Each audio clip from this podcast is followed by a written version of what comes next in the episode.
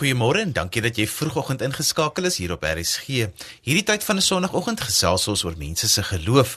Ons hoor hoe hulle daaroor dink en wat 'n verskil dit in hulle lewe maak. Ek is Johan van Lille en saam met Lazelde Brein en Neil Roo help ons jou op 'n Sondagoggend, soms so vroegoggend uit die bed uit. Dit is seker nie nodig om gedruk te voel nie. As jy nog so 'n bietjie wil hê en saam luister, sal dit goed genoeg wees. Veral aangesien die helfte van die volk al met vakansie is, gaan ons jou beslis nie opjaag nie, maar as jy op die pad is, herinner ons jou om veilig te ry. Ons gesels vanoggend met kwadropleeg Pieter de Pre oor sy deelname aan die Eysterman kompetisie. En ons gesels met nog 'n Pietman. Hy is Pietman Diener, die tuinier by Rustenburg Landgoed. En ons praat met hom oor kersbome. Lebo Madisi Dife gesels met ons oor liefde uitdeel en ons sluit af met Dr. Janie Leroux wat met ons gesels oor die klere van Advent. Sondagjoernale saam met die meeste van RSG se programme as 'n potgooi beskikbaar. Jy kan gaan luister op RSG se webwerf by rsg.co.za en jy kan ook al die programinligting daar kry. Ons laai dieselfde inligting elke week so teen donderdag se kant ook op ons sosiale media bladsye. Onthou dat jy ook kan SMS by 45770 as jy wil saamgesels.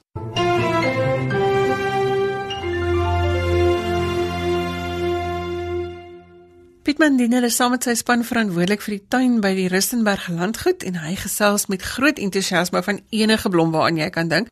Maar vanoggend wil ek by hom hoor waar die kersboom vandaan kom. Goeiemôre Pietman. Goeiemôre Lisel. Pietman in Suid-Afrika leef ons buitentoe met Kersfees anders as in Europa waar mense binne toe lewe. Kom ons gesels oor die kersboom. Wat maak hom spesiaal?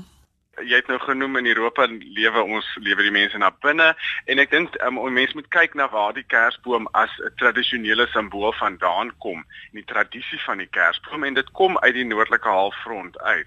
As ons dink aan die winters van die noordelike halfrond, dis grys en grou en koud en sneeu en um, mense wil nie buitentoe of jy wil nie so baie buite tyd spandeer nie. So die mense het eeue gelede al begin om groenigheid in hulle huise in te bring. Um aanvanklik net 'n tak van 'n plant of so, um en later toe nou ook kleiner boontjies en die groen in die huis is as 'n simbool en 'n teken van lewe in die huis ingebring.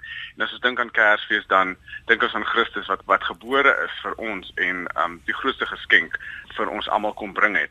Nou as ons ook kyk na tradisioneel watter tipe bome ons as Kersbome sien, dink ons in Suid-Afrika aan die denneboom want ons dit is die een wat jy langs die pad kry en wat tradisioneel aan jou opgedis word as 'n Kersboom.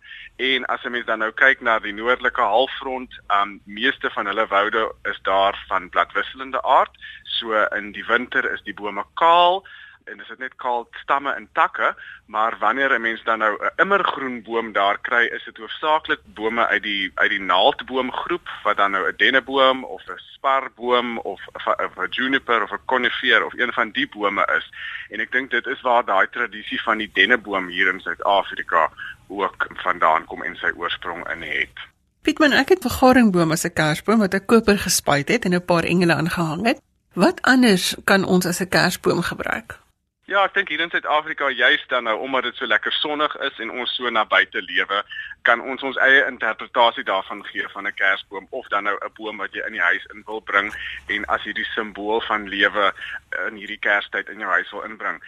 Ja, wonderlike garingboom, joh, tradisioneel van die uh, dis so tipies vir my van die Karoo landskap en die Vrystaat landskap waar jy dit in langs die plase se se grensdrade kry en hierdie fantastiese hoë kandelaar vormige um blom eintlik blomskede dan nou maak en wanneer dit droog vorm dit hierdie mooi mini boomstruktuur en wonderlik die mooi vorm wat 'n mens dan daarvan kan gebruik vir 'n kersboom. Hier in Suid-Afrika waar ons baie vakansie hou oor hierdie tyd van die jaar langs die see en baie mense 'n strandhuis het, ek het al gesien dat mense fantastiese kersbome maak uit dryfhout uit wat hulle langs die strand optel en dan 'n boom daar uitmaak en dit behang met skulpe wat jy ook uit die omgewing kan kry. Ek het al gesien dat mense ook in die Karoo 'n uh, pragtige alwynplant gebruik en dit versier weer vir daai tipiese kenmerkende vorm en ja, iets heeltemal spesiaal Suid-Afrikaans. Um ek dink wat ook vir my spesiaal en um, uniek aan Suid-Afrika is is die kreatiwiteit waarmee baie van ons mense die lewe ingaan en as ons dink aan by robotte, die bome wat uit draad gemaak word wat ons te koop kan kry. Die krummetartboom, daai vorm van daai boom is dan so eie aan Afrika en wonderlik dat mense ook dit daai vorm al is dit van draad in jou huis in kan inbring en selfs met draad engeltjies wat met kralietjies versier is iets daarmee kan doen vir Kersfees. Um ek nou heelwat gepraat oor die Karoo, maar nog 'n laaste voorbeeld van die Karoo. As ons kyk na plante en bome wat hierdie tyd van die jaar blom, die soetdoring blom so mooi oor Kersfees in die Karoo. Ehm um, en ek het al gehoor van mense wat takke daarvan pluk en met die blommende takke in die huis 'n kers 'n kersboom hou. Um pragtige mooi geel bolletjies wat dan nou die blomme aan die takke is en en regtig iets uniek.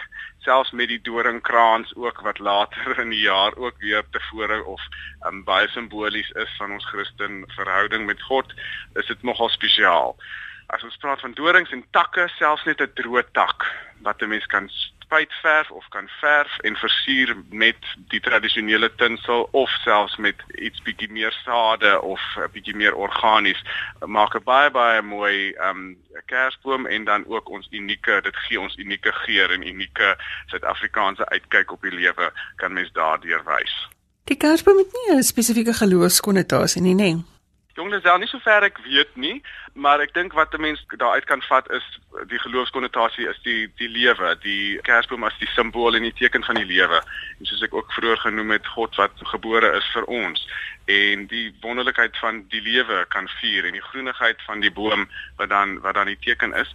Natuurlik ook die geskenke wat ons gee oor Kerstyd en die simboliek daarvan as God is die ek wil sê die ultimate geskenk wat ons as mensdom kan kry en 'n boom wat lewe gee, die lewe, die geskenk en die saad en die vrugte wat dit voortbring as geskenke, so dit is ook daai lewegewende aspek van die Kersboom.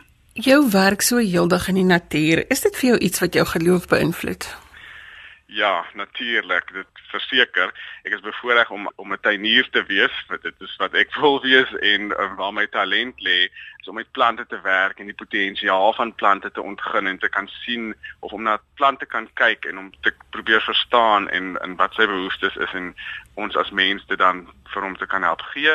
Ek is bevoorreg genoeg om in 'n fantastiese mooi omgewing te kan werk en toe ek hier begin werk het, het ek vir Here gesê ek moet asseblief my oë elke dag oopmaak vir die mooi en ek dink wanneer 'n mens met die natuur omgaan en jy maak nog tuin binne in die natuur is dit so die hele tyd jy probeer die hele tyd 'n mooi ruimte rondom 'n mens skep. En vir my is dit iets waarmee ek met groot omsigtigheid maar ook 'n uh, groot vreugde omgaan. Um dis baie lekker om met 'n lewende medium te werk en dit dan nou as 'n kunsvorm te kan doen. Jy kan die plant moet jy eerstens verstaan en jy kan hom dan gebruik en jy kan hom so 'n bietjie manipuleer, doen wat jy wil hê hy moet doen, maar net soos jy begin dink, okay, jy raak nou baie oulik, dan kom die natuur en en net hy ook natuurlike sê oor dinge deur 'n droogte of deur 'n wind wat dalk 'n boom omwaai of 'n plaag van peste en en en ehm um, wurms of iets wat dalk ook ook 'n sê in die ding het. So dis wonderlik om so hand aan hand met die natuur te kan werk en en dit is iets waar ek definitief baie geloofsinspirasie en um ook lewensinspirasie kan uitput. Dus ek sien dit as 'n groot voorreg. Net 'n vraag heeltemal weg van die Kersfeesboom af. Wat maak van 'n Kersroos dat hy so genoem word? ja, interessant, né? Nee? Ek dink as ons kyk na die Kersroos in Suid-Afrika, wat ons ken as 'n Kersroos, is van die die botaniese naam is Hydrangea, die Hortensia familie. En as mens na die noordelike halfrond gaan en jy kyk wat 'n Kersroos daar is, is dit 'n totale ander plant. Dit word die Helleborus genoem. Ehm um, dis die botaniese naam vir die Hellebor en dit word die Lenten Rose of dan die Christmas Rose genoem. In Suid-Afrika dan is die Rose, Hydrangea, hy blom hierdie tyd van die jaar in die somer en ehm um, blom hy oorvloedig. So ek dink dit is waar die konnotasie en die koneksie met Kersfees en Kersfees dan nou kom dat hy die Rose genoem word. Ek dink wat ook vir my simbolies is van hierdie tyd van die jaar in die Rose die ehm um, hydrangea spesifiek is dat dit ook in die kleure van epifanie blom uh, naamlik blou, roos of pink of rooi en dan wit. Dit is die primêre kleure waarin 'n mens Kersrose ook kry en dit dan ook die tyd van epifanie, die tradisionele simboliese kleure van epifanie. Om jy af te sluit jou Kersfeeswens vir Suid-Afrika. So, ja, ons woon in so 'n pragtige mooi land, sonnig en warm en die mense is vol liefde en oh, ek hoor dit gereeld hier op die plaas van besoekers van elders oor die aarde wat dit geniet van ons mense en wanneer ons self oor see 'n bietjie gereis het en ons kom terug en jy kry daai vriendelike glimlagte, is dit ja, my wens dat ons hierdie ware somerkersfees met liefde en hoop en vreugde en vrede gevul sal deurgaan um, vir mekaar, families en dan almal met wie ons omgaan hierdie tyd van die jaar. Dankie Pietman, dankie vir die samegesels vanoggend. Baie dankie Lisel. Ons het gesels met Piet Mandiner, die tuinier van die Rustenburg landgoed net daar buitekant Stellenbosch. As jy sopas ingeskakel het, sê ons goeiemôre. Jy luister na Sondagjoernaal saam met Johan en Lazel en Neil wat ons tegnies versorg. Gemaak gerus 'n draai op RSG se webblad by rsg.co.za. Daar's letterlik alles wat jy van RSG af wil weet. Alles van programme tot omroepers, ooggetuie, fotos en heelwat interessante dinge om deur te blaai. As jy 'n interessante kersboom het, laat weet vir ons hoe dit lyk. As jy net vinnig wil loer wat Sondagjoernaal gaan uitsaai, kan jy ook op ons Facebook bladsy gaan kyk so teen Donderdag van elke week. Lebo Modisa Dief het onlangs met ons gedeel oor haar eerste besoek aan Lebanon en die Syriese vlugtelinge saam met In Context Ministries waar daar vlugtelinge gehuisves word en vanoggend deel sy met ons van haar 1 tot 1 ervarings met mense wie se hele lewe ontwortel is. Goeiemôre Lebo. Goeiemôre. Lebo, ek kan myself nie indink hoe dit moet voel om 'n paar goedjies te gryp en te vlug nie. Jy was by hierdie mense, jy het by hulle gaan sit om na hulle stories te luister. Vertel ons daarvan. Die eerste storie wat my reg geraak het, is die storie van kinders. Ek het 'n uh, last keer gesê, uh die vlugtelinge krisis in in Lebanon het my overwhelmed laat voel. En toe ek die eerste keer by die kamp gekom, ek het gedink, hoe gaan die kinders wees? Miskien hulle gaan uh sad wees of ietsie, maar ek het daar gekom en die kinders het smiles op hulle gesigge. Hulle wil net speel en ons het daar gekom en ons het net gespeel. Maar while we playing, Die kinders stop. Daar was ses meisietjies. Hulle stop en hulle praat saggies met mekaar. Ek sien hulle praat. Ek verstaan nie die taal nie, maar ek sien hulle praat iets ernstig.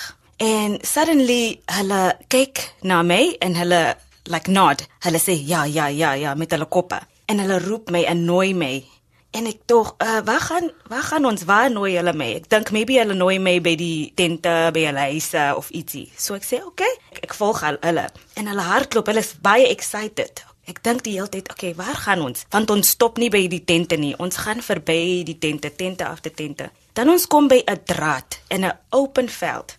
Nou gaan hulle onder die draad en ek staan daar so en ek raak to be honest, 'n bietjie bang. Okay. Hulle gaan en hulle sê, "Kom, kom." Een van die meisietjies hou my hand en sê nee, kom. Maar ek voel net 'n peace. Nee, gaan. En ek gaan daarso en as ek gaan, ek sien iets wat my reg geraak. Hulle nooi my in hulle speelplekke. Daarso het hulle met klippe 'n huisie gebou met 'n slaapkamer Hulle vat my daar so, hier is ons slaapkamer, hier is ons en hulle is baie excited en hulle maak my sit in the dining room, maak speel kossietjies vir my dat ek sit en ek eet en hulle glimlag en ek wil net hê as ek daar so sit. Ek het net 'n open invitation gesien van die van die kinders. Ek gedink hulle kom van 'n land wat dit was gesluit en vir jare vir dekade en nou hulle kom in 'n land wat goeder is oop en hulle nooi jou in hulle lewe to speak into their lives en dit het regtig my hoop gegee. Hulle hoop het my genees if I can put it like that. So, so hulle ervaring was vir jou ook 'n persoonlike ervaring om te besef dat ten minste ten spyte van jou omstandighede iemand nog steeds kan innooi in jou wêreld in. Exactly. And despite van hulle trauma, they've experienced trauma, maar they can still be open. Lebo, was jy daar spesifiek om met die kinders te werk of het jy nie gegaan met 'n spesifieke doel nie? Weet jy, dit was mos 'n medical team wat het gegaan en ek het nie mediese geswat nie of enige iets, ek het social work geswat. Maar ek het gegaan when they did the medical work, ek het saam met die kinders gespeel en want daar's baie kinders in die kampe. As we say 50% of the Syrian refugees are vlugtelinge. Daar ons het met die kinders gespeel, ons het met die mammas gesels while they were busy with the medical work. Is daar enige ander storie wat jy met ons wil deel? Mm, weet jy, hierdie is 'n storie van liefde. Ek het gepraat van liefde vorige keer. Vorige keer. En hierdie vrou sê is 'n Christelike werker in Sirië. Sy kom van Homs. Haar storie het my regtig geraak, want Somstyds ons dink ons moet groot dinge vir God doen, maar sy het vir my iets gewys. So sy sê vir ons voor die oorlog, sy was besig met sy eie goede. En die begin van die oorlog, sy begin luister wat God vir haar sê. En God sê vir haar: "Gaan in 'n village. Daar is 'n village in die dorpie wat sy bly en daai village mense kom daar so van hulle vlug from the their own place." En sy sy dink, "Wat is my doel daar?" En God sê vir haar: "Wees lief vir die mense. Just love the people." En sy het met hulle gebly in that village. Sy sê sy het hulle stories geluister, sy het saam met hulle gebid en sy het saam met hulle gehuil en regtig God filled her with that love for these people. So sy deel eendag one uh, ISIS was surrounding the village en een van die meisie het haar geroep en sê sy moet in hulle huis kom. Sy kom daar en daar is baie mense in die huis en hulle is vol vrees, hulle is regtig bang. En hulle vra vir haar, "Wat moet ons doen?" Sy sê maar ek is net een persoon, sy was die enigste Christian en sy sê Ek is net een persoon. Wat kan ek doen? Sy vra vir die Here en sy voel sy kan iets doen. En so sy sê vir die mense, kom ons staan op, kom ons bid. En hulle bid en hulle bid. Na 2 ure hulle kom uit. En daar was niemand in die kamp. They were not surrounded anymore and they were not hurt. En die mense besef, weet jy, hierdie God van hierdie Christelike werke voel vir ons. Hy is lief vir ons en dit was die eerste keer die mense like they saw that. En ek het net gedink soms ons dink as groot goede that changes maar om lief te hê and just to pray vir ander mense it's enough.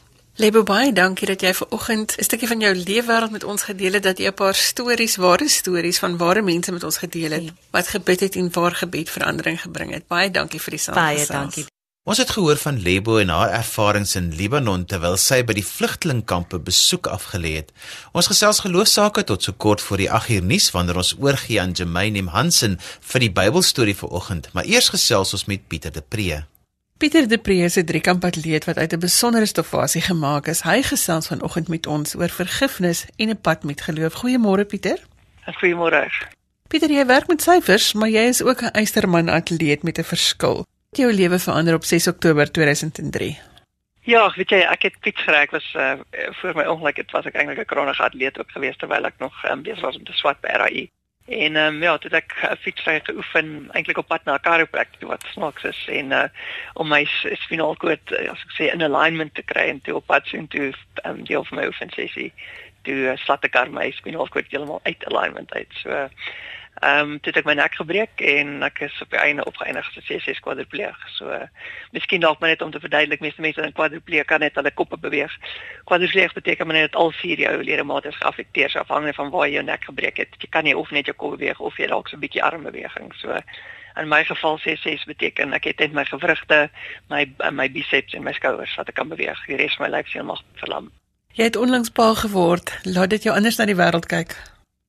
Ja, ja, nee, verseker. Ek moet sê kyk, dit was ook 'n 7 jaar pad wat ek met my vrou gestap het. Ehm um, uh, en ja, nee, dit was dis 'n wonderwerk wat ek sê en ehm um, ja, verseker, weet ek ek sê nou vir die mense, ek dink nou twee keer hoe vinnig ek by die afdraande is afjaag met die fiets, weet so verseker. Praat met my oor vergifnis. Waar gaan haal jy dit en watter rol speel dit in jou lewe? Ja, weet jy, ek weet nie, ek dink dis dalk 'n gawe wat ek maar net gekry het van bo af uh, om net mense maklik te vergewe of so want ehm um, daar's 'n ouer vrou wat my van die fiets afgeslaan het ehm um, toe ek my nek gebreek het en jy weet ek het daar dan dan op die op die um, oomblik vergewe. Ehm um, ag en ek dink die groot ding is maar net vir my, jy weet hulle sê altyd in Engels the truth the truth will set you free. Nou ek voel net so dat vergifnis sal jou vrylaat as ek sou kan sê want as jy nie iemand kan vergewe oor iets nie dan hou dit jou eintlik al vas en dit sit jou eintlik in die tronk as ek sou kan sê en baie keer ehm um, wat ook al dit was sal die ander party dalk nie eens worry daaroor nie en dan op die einde van die dag is dit net jy wat dan met jouself sit en stoei en eintlik sukkel daarmee. Waar as jy nou maar net persoon vergewe dan gaan die lewe aan. So dis maar hoe ek daaroor dink jy weet. Maar jy het min of meer onmiddellik gedoen, nee, jy terwyl jy nog daar in die pad gelê het en gewag het vir die ambulans en sy by jou gebly het, het jy vir haar gesê jy vergewe jou en sy het groot om verskoning gevra. Ja, en kyk, sy het hysteries daar by my aangekom eh, met trane en gehuil en geskree en te kere gegaan. So, dis ek maar altyd net sê daar is die genade van bo af wat maar net al my was want ek het dalk al meer en gesê, jy weet, ek vergeef haar, sy met eh, jy weet, relax het ons dan net met die situasie kan, jy weet, alles hanteer. So Ja, nee, so en dis ek bedoel is amazing ek ek bedoel vir daai vrou ehm um, jy weet sy was nie dronk of niks nie dit was net 'n ongeluk jy weet dit gebeur met ons almal. Jy weet so op die einde van die dag jy weet sy was by die hospitaal gewees en het vir my kos gebring en sulke dinge jy weet so wat ek dink vir haar baie hartmis op gewees het jy weet so ek dink mense moet altyd daai perspektief sien van ehm um, jy weet dis maar net 'n ongeluk jy weet en ons almal het 'n ongeluk gemaak. Dit dit net nie dis wenig altyd opgeëindig en iemand anders wat dalk so ernstig beseer is of so nee maar dit kon dalk net so wel. Verduidelik vir my Waar gaan haal jy jou geloof en hierdie vergifnis vandaan? Want jou lewe het radikaal verander. Alhoewel jy nou Ironman doen, kan jy net met jou skouers swem en jy kan net met jou gewrigte jou fiets ry. Wat doen dit aan jou geloof as jy daar in die pad lê en en ewe skielik lyk like alles anders? Weet jy, dit is 'n snaakse ding met ander want ek sê altyd vir mense, ehm um, ek dink ek was gebore om 'n kwad te wees. Ehm um, so die pad wat ek gestap het met die opleiding my ongeluk toe, ehm um, het ek nogal gestoei met my geloof en dinge en ehm um, dit snaaks die dag wat my ongeluk gebeur het daar twee weke voordat ook iets amazing gebeur en as ek maar net of nooit reg ehm um, ag nooit op 'n beter posisie as daai dag vir dit om te gebeur of nie. So so ja vir my ek het al nog ek het net aangegaan. So vir my my geloof het my gered eerlikwaar ehm um, uh, want ek bedoel van daai dag af ek bedoel nou 14 jaar meer as 14 jaar en ehm um, ek het nou nog nie 'n afdag of 'n probleem met die feit dat ek in 'n rolstoel sit nie weet so vir my of ek ek, ek sit nou 'n handfiets nie op 'n normale fiets nie, maar ek ek, ek het so 'n video op op YouTube wat still running noem. En dis die ding, jy weet, my ongeluk het gebeur, maar ek hardloop maar nog al die pad, jy weet. So ek het eintlik net sterker geword deur dit. So daarvoor kan ek net nooit genoeg dankbaar wees nie. Maar kyk, ek ry my motor en dan het ek hierdie gesprek met die Here en ek sê vir hom, Here, maar hoekom het dit nou gebeur? Of wat gaan ons nou hier doen en hoe gaan ons nou hierdie ding oorkom? Het jy ook sulke gesprekke met die Here? Ja, weet jy, jy weet soos ek sê, ek na my ongeluk het ek nog nooit gevra hoekom nie, want ek ek het net so vrede in my hart. Um, jy weet, ek dink dis die een ding wat ek het is dat ek is, is my geloof, jy weet, so. Maar ehm um, jy weet ek ek het baie keer gesprekke soos om om te weet is ek op die regte pad of volg ek die regte ding, doen ek wat ek wat ek moet doen. Ehm um, weet en dis ook om my my hele Ironman, jy weet, was 'n 6 maande pad toe ek nou regtig gefokus het op dit en ehm um, ses weke voor daai Ironman het my arm gebreek. Toe 'n ander fietsryer 'n U-turn vir my gedoen het en ek bedoel as jy dink 'n ou wat nie eers halfte van sy arm beweging het nie, breek dan nog sy arm en nou gaan nou dink hy kan nog steeds die Ironman gaan doen. So ek kan sê ek het baie gesprekke met voet gehad op daai 6 weke in dit in om um, om te weet dat ek daai reis nog steeds moet gaan doen. So so nie verseker. Verduidelik vir ons hoekom jy byvoorbeeld in jou wetsuit want nie net het jy die Ironman gedoen nie, jy het ook van Blouberg, is dit om Robben Island geswem? Nee, so ek ek, ek swem eintlik van Robben Island na na Mainland en na Bloubergstrand toe. Jy weet, so jy dis jy kruis oor van Robben Island na na Bloubergstrand toe. So so, so 8 km. So hoekom jy wat Pieter is in jou wetsuit? So ek moet sê meeste goeie skelling nogal op my eie reg kry, maar ehm um, 'n wetsuit en sê ek 'n paar ekstra zits aan sit vir 'n tricky storie. So so daaroor moet ek sê alles wat ek doen is 'n span spanpoging um, van my en my vrou um, op iemand wat my sal help. Jy weet, so sy ek en sy het nogal 'n baie goeie tegniek om die wetsuit aan te kry.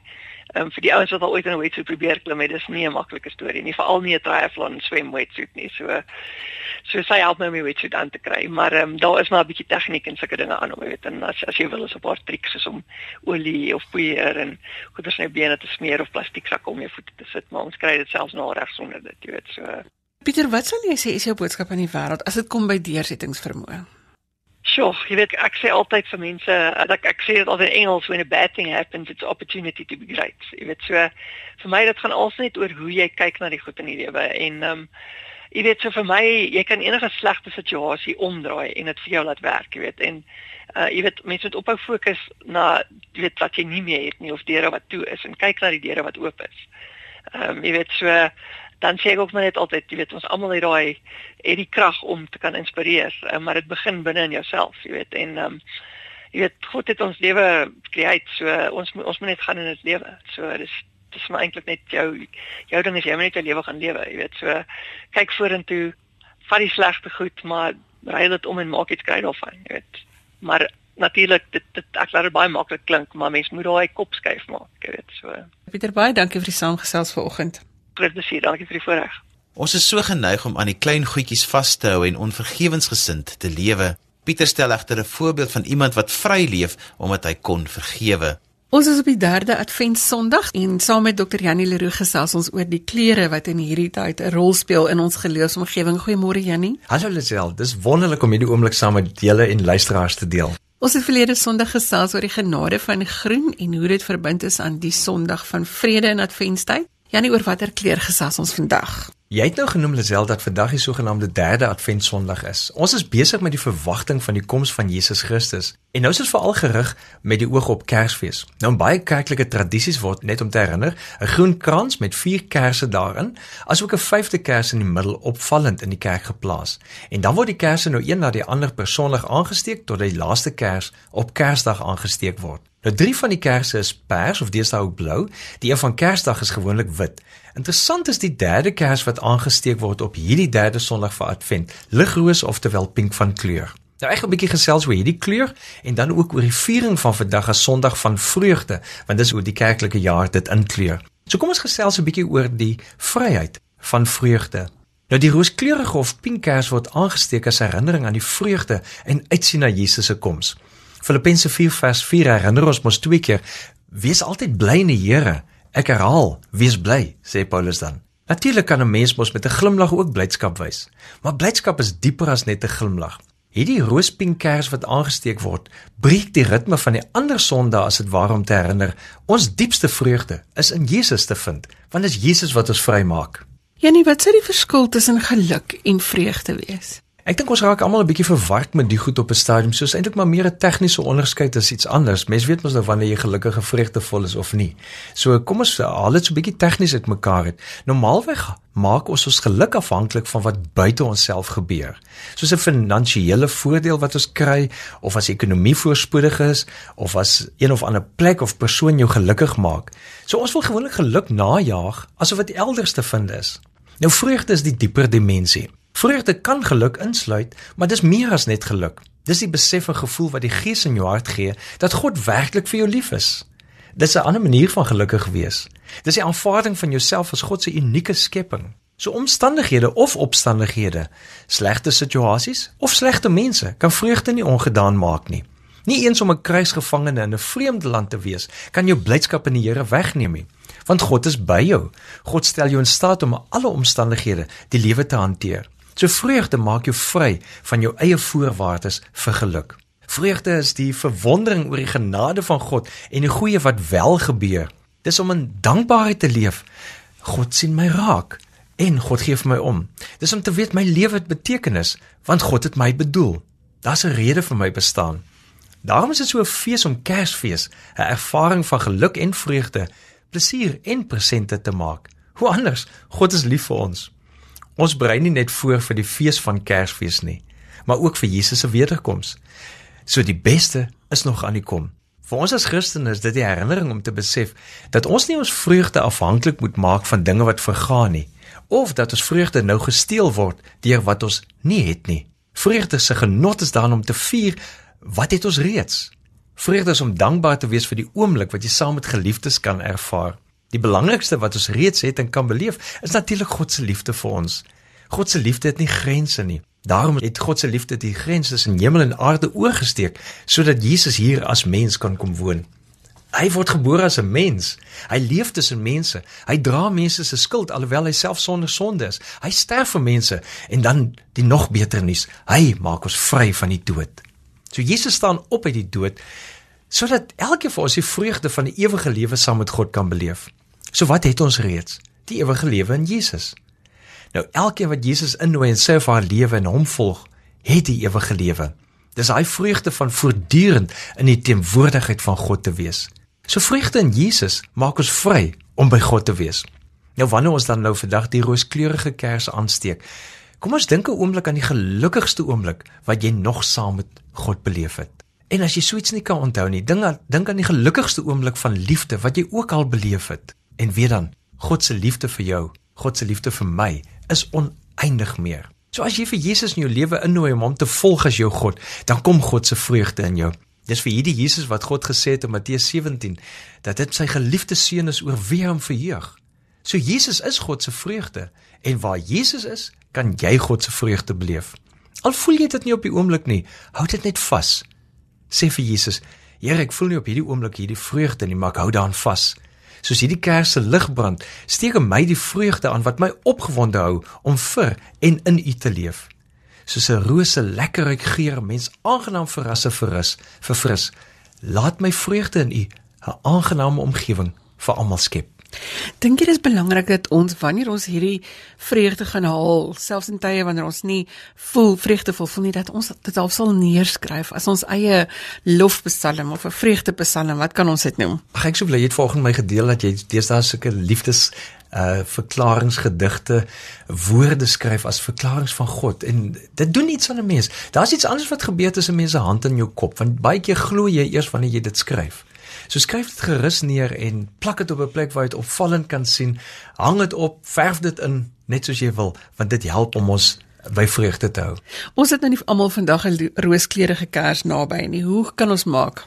Onthou dit gaan nie oor die kers nie. Die kers is net die simbool om ons te help onthou van die vreugde in Jesus. Nou ons brein is ingestel om antwoorde te kry. So help jou brein om meer vreugde te ontdek deur te vra: "Vir watter drie goeie goed wat die afgelope week gebeur het, kan ek vir God dankie sê?" En jy hoef dalk nie ver te soek nie. Daar daar sal drie goeie goed wees. Soek hulle net. En hoekom kan ek vir hom daarvoor dankie sê? En skryf dit neer. As jy dit 'n gereelde ritme maak, gaan jy meer vreugde beleef. Want onthou, Jesus maak jou vry om vreugde te ervaar.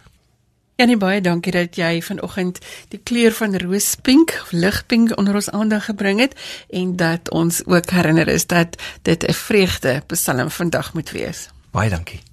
Dankie Jannie dat jy Advent vir ons op so 'n manier ontsluit het. Ons is aan die einde van vanoggend se program oor geloofsaake, maar daar's nog heelwat vermaak op RSG wat jou sal geselskap hou dwars deur die dag. En ek self skuif weer agter die mikrofoon en later vanmiddag wanneer ons onderwys sake gesels. Vandag gesels ons oor leerdlinge se swak leesvermoë en my gaste is Dr. Nicole Fasen en Adinda Vermaak. Jy kan vir my e-pos met kommentaar of as jy 'n geloostorie met ons wil deel. Soos gewoonlik, my e-posadres lazel@wwmedia.co.za. Jy spel dit L E Z E L E en let daarop dat wwmedia net twee W's het. Jy kan ook vir ons 'n boodskap stuur deur die webwerf by rsg.co.za. Tot volgende week groet ek ook namens produksieregisseur Neil Roo. Maak 'n punt daarvan om vandag iemand se dag makliker te maak. Totsiens.